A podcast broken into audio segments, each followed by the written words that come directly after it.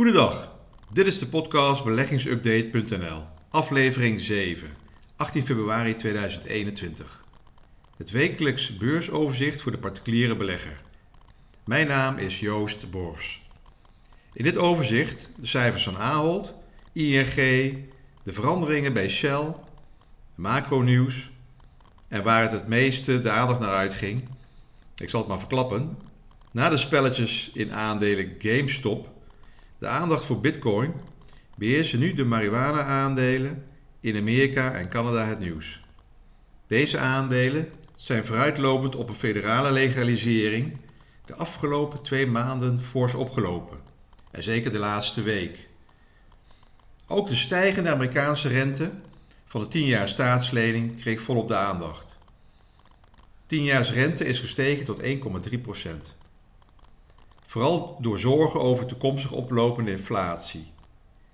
Hier had ik het al eh, over in aflevering 6.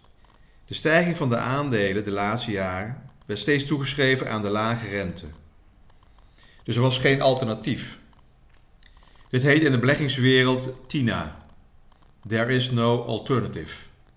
Nu lees je alweer dat mocht de rente verder stijgen, of dit nog wel uh, geldt, of TINA nog steeds wel geldt. Mocht je je zorgen maken over inflatie en in obligaties zitten, dan kan je kijken naar inflation-linked bonds. Deze hebben een uh, correlatie met de consumentenprijsindex. De afgelopen jaren, natuurlijk door de dalende inflatie, oftewel helemaal geen inflatie, waren ze niet zo interessant. Ik zou het wel via een fonds doen. Bijvoorbeeld iShares Inflation Linked Global Bonds. Dat zit je wereldwijd in inflatie gekoppelde staatsleningen. Ook aandelen uit de financiële sector, banken en verzekeraars, hebben baat bij hogere rente. Ze klagen altijd al dat de lage rente zorgt voor winstdruk. Dus Egon of ING kan profiteren van de stijgende rente. Ofwel indirect een goede hedge tegen inflatie. Nou, de beurs had in ieder geval een uh, goede week. Zeker Japan en de rest van Azië. Japan haalde bijna de hoogste stand van de laatste 30 jaar. De Japanse Nikkei-index sloot iets boven de 30.000. De allerhoogste stand was in 1989 op 38.000. Nou, dat de cijfers van de afgelopen dagen. supermarktconcern uh, Ahold heeft zoals verwacht een sterk vierde kwartaal neergezet. Met recordomzetten en een explosieve groei van de online verkopen. De omzet van webwinkel bol.com groeide naar 4,3 miljard. Dat blijkt uit de jaarcijfers over 2020. Dat is meer dan de helft van de online verkopen van het hele concern. De totale groepsomzet van Ahold groeide in het vierde kwartaal naar 19,6 miljard. Dat is een stijging van 18%. Ahold profiteerde zoals verwacht opnieuw van de coronacrisis. Waardoor mensen vaker thuis eten en niet eh, naar restaurants gaan. Dus hun boodschappen bij eh, Albert Heijn deden. In heel 2020 groeide de omzet met 14,2% naar bijna 75 miljard. Bol.com haalde een sterke omzetgroei, maar Aalt is niet duidelijk of dit nu uiteindelijk een rendabele, winstgevende groei is geweest voor Bol. Nou, ook in Amerika doet Aalt het goed. Hoe het nu verder moet met dit aandeel? Nou, het zal duidelijk zijn dat de koersontwikkeling samenhangt met het opengaan van de economieën. Als we weer allemaal gaan uit eten in restaurants, dan zal Ahold dit ook wel gaan merken. En zeker in Amerika. Vandaar dat ondanks prachtige cijfers, ja, dat zijn cijfers uit het verleden, de koers niet positief reageert. Nou, de financials. ING. De winstcijfers over 2020 waren beter dan verwacht. Wel 50% minder dan in 2019. De meevallen voor de markt zat hem in het minder toevoegen aan de stoppenpot voor slechte, slechte kredietleningen. Ja, positief en sterk was weer de hypotheekomzet. ING gaat ook wel weer het dividend iets verhogen. De aandelen van ING stegen deze week circa 12%. Ook andere financiële instellingen, of eigenlijk de hele sector, gingen in waarde omhoog. Nou, de hoge olieprijzen stuwen niet alleen de inflatie, maar stuwen ook de koers van Shell. De koers van het aandeel Shell is de laatste weken aan een stijging bezig. Nou, dit na de toelichting op de cijfers. Shell verlaagde het dividend vorig jaar vanwege COVID. De lage olieprijzen en waarschijnlijk om geld vrij te maken voor de energietransitie. De aandelenkoers van Shell is niet meer zo stabiel, stabiel als geweest. Het rustige dividendfonds is nu meer een cyclisch trading aandeel geworden. Het reageert niet alleen op de olieprijs, maar ook op de snelheid waarmee de strategische verandering gaat plaatsvinden. Zeker ten opzichte van de concurrenten. Shell verlaagde zijn dividend in 2020 in het licht van de lage energieprijzen. Nou, dat kwam wel hard aan. Maar het zou een vergissing zijn om deze bijna 200 jaar oude energiereus uit te tellen.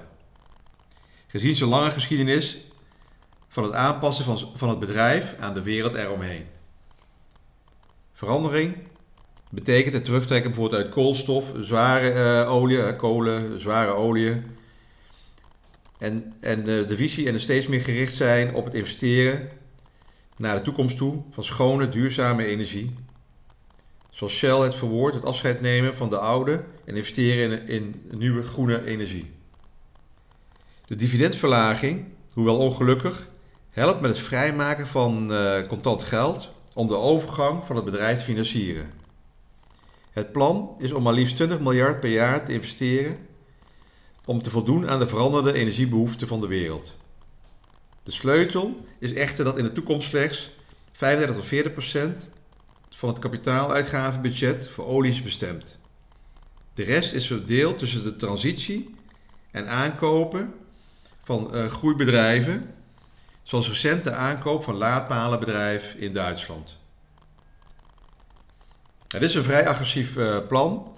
Dat kan werken, omdat we ja, eigenlijk toch met z'n allen besloten hebben dat er een verschuiving dient te komen vanuit fossiel naar her, hernieuwbare, duurzame energie. Maar om eerlijk te zijn, ja, misschien conservatieve dividendbeleggers toch wel liever een uh, meer middle-of-the-road aanpak, zoals die bij Total en Exxon. Maar als je gelooft dat de transitie naar hernieuwbare energie snel zal plaatsvinden, lijkt Shell in een betere positie te verkeren om de overstap te maken naar de schone energie. Terwijl het zijn oliebedrijf kan gebruiken om zo lang mogelijk, eh, zo lang mogelijk die oliebedrijf te blijven uitmelken om daar geld voor vrij te maken. Nou, het macro-nieuws van de afgelopen dagen. De historische krimp van de economie met 3,8% over het jaar 2020. maar binnen Europa deed Nederland het nog relatief goed. In vergelijking met andere landen, bijvoorbeeld eh, Engeland en Frankrijk, die zaten op min 9. Het herstel in 2020 hangt natuurlijk af van de snelheid waarmee de economie weer open gaat. En het opgestapelde spaargeld weer geconsumeerd gaat worden. Nou, verder zien we aan de uh, macrozijde stijging van grondstoffen. Waaronder zeker de olieprijzen. De olieprijzen zijn nu rond de 60 dollar. Die lopen ook vooruit op het economische herstel. We allemaal gaan rijden en gaan vliegen. Maar eh, het Amerikaanse bedrijf JP Morgan verwacht een, uh, een nieuwe grondstoffen supercyclus. Nou, dat moeten we maar even gaan uh, kijken of dat gaat gebeuren. Maar in ieder geval, de Fed maakt zich geen zorgen over assetsbubbel en hoopt juist op een wat hogere inflatie. Dus de centrale bank, de Fed in Amerika, die maakt zich geen zorgen over de gestegen aandelenkoersen. En woensdagavond Gisteren heeft de centrale bank in Amerika aangegeven in de notulen dat er nog geen reden is om het beleid aan te passen. Zolang werkgelegenheid nog niet op het niveau uh, is van 2018, 2019 en inflatie boven de 2% komt, hoeven zij nog niet in te grijpen. Nou, de social media en de nieuwe eh, hype van de marihuana-aandelen. Eerst even het volgende. In Amerika is, is er een toename van particuliere, enorme toename van particuliere beleggers. En de wijze van handelen is een belangrijke factor geworden. En verleden week, in aflevering 6, noemde ik ook de rol van social media en uh, wat beleggers tegenwoordig verstaan onder waarde. Nou, die nieuwe toetreders kijken alleen maar naar de koers. Als de, als de koers stijgt, is het goed. Of het aandeel nou duur of goedkoop is, hè, met fundamentele analyse en alle cijfers, dat is niet meer relevant. je kan die nieuwe toetreders noemen, dat zijn de particuliere of de retail beleggers, zoals in Amerika genoemd worden. Door de retail beleggers gedreven omzet is circa 60% hoger dan in 2018, volgens UBS. De nieuwe toetreders zijn voornamelijk actief in de optiemarkt. De stijging van het aantal gekochte call-opties heeft een nieuw record bereikt. Met call-opties kan je inspelen op stijging van de aandelenkoersen. Daarom maakt de beurs zich ook zorgen als zodra uh, Biden die uh, nieuwe 1200 uh, eh, dollar checks goedkeurt, dat, die, dat een deel van het geld onder de jongeren direct richting de optiebeurs gaat. Op in te spelen op uh, stijgende koersen. Oké, die, nieuwe, die nieuwe toetreders en het social media, dus bijvoorbeeld het platform Reddit, hebben nu uh, een, nieuw project. Dat zijn die marihuana aandelen. Dat is een nieuwe niche groeimarkt. Nou, hier zijn een aantal redenen voor. Het uh, inspelen op legalisering in Amerika en Canada. Nou, dat is de verwachting dat het misschien in 2021 een keer gaat gebeuren. Maar ook de toepassingen in de medicinale wereld. Steeds meer en meer wordt het niet uh, gebruikt als een, uh, als een hobby, maar echt voor medicinale, medicinale werking. En ook in de cosmetica-industrie kijkt men naar dit, toepassingen voor, voor, dit soort, voor dit product. Grote Amerikaanse consumentenbedrijven als Coca-Cola zien bijvoorbeeld mogelijkheden in deze markt om daar een, eh, een, drank van, een drankje van te maken. Ook verschuiving van tabak naar marihuana wordt bijvoorbeeld door Altria, een tabaksfabrikant, als mogelijkheid gezien. Het is een nieuwe groeimarkt binnen consumentenbehoeftes, hè, cosmetica, medicinale hulpmiddelen, ehm, in, in de farmaceutische industrie. Dus er, er, zijn steeds meer nieuwe bedrijven die uh, hier naar gaan kijken. In 2016 was de omzet, de legale omzet, zo'n 6 miljard dollar. En de verwachting is in 2024, 2025 dat het zo rond, in Amerika zo rond de 50 miljard dollar zal bedragen. Nou, dan heb je nog de rest van de, van de wereld. En de stijging van een, groot aantal, van een aantal grote bedrijven die zich uh, in deze uh, branche actief zijn, zoals Tilray en Apria, dat, uh, die waren wel indrukwekkend dit jaar. Maar koersstijging van meer dan 200% Maar de hele sector die, uh, doet het qua koersbeweging goed. Ja, dat vinden die, uh, die jonge nieuwe beleggers die elkaar hypen via social media, vinden dit natuurlijk interessant. Want koersstijging is winst en waarde is niet belangrijk.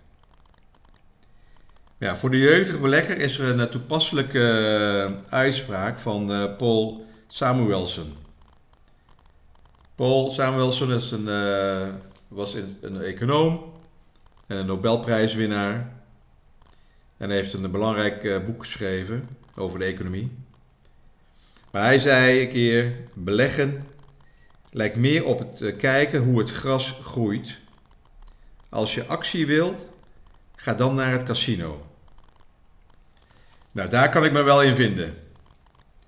Wederom bedankt voor het luisteren. Zoals altijd zijn dit geen aanbevelingen. Alles is een persoonlijke waarneming en vanuit vrij verkrijgbare informatie samengesteld. Er kunnen ook geen rechten aan worden ontleend. Opmerkingen of vragen kan je stellen via info.beleggingsupdate.nl Tot de volgende week. Misschien ook wel weer een hele nieuwe spannende week met uh, nieuwe ideeën en nieuwe hypes. Oké, tot ziens.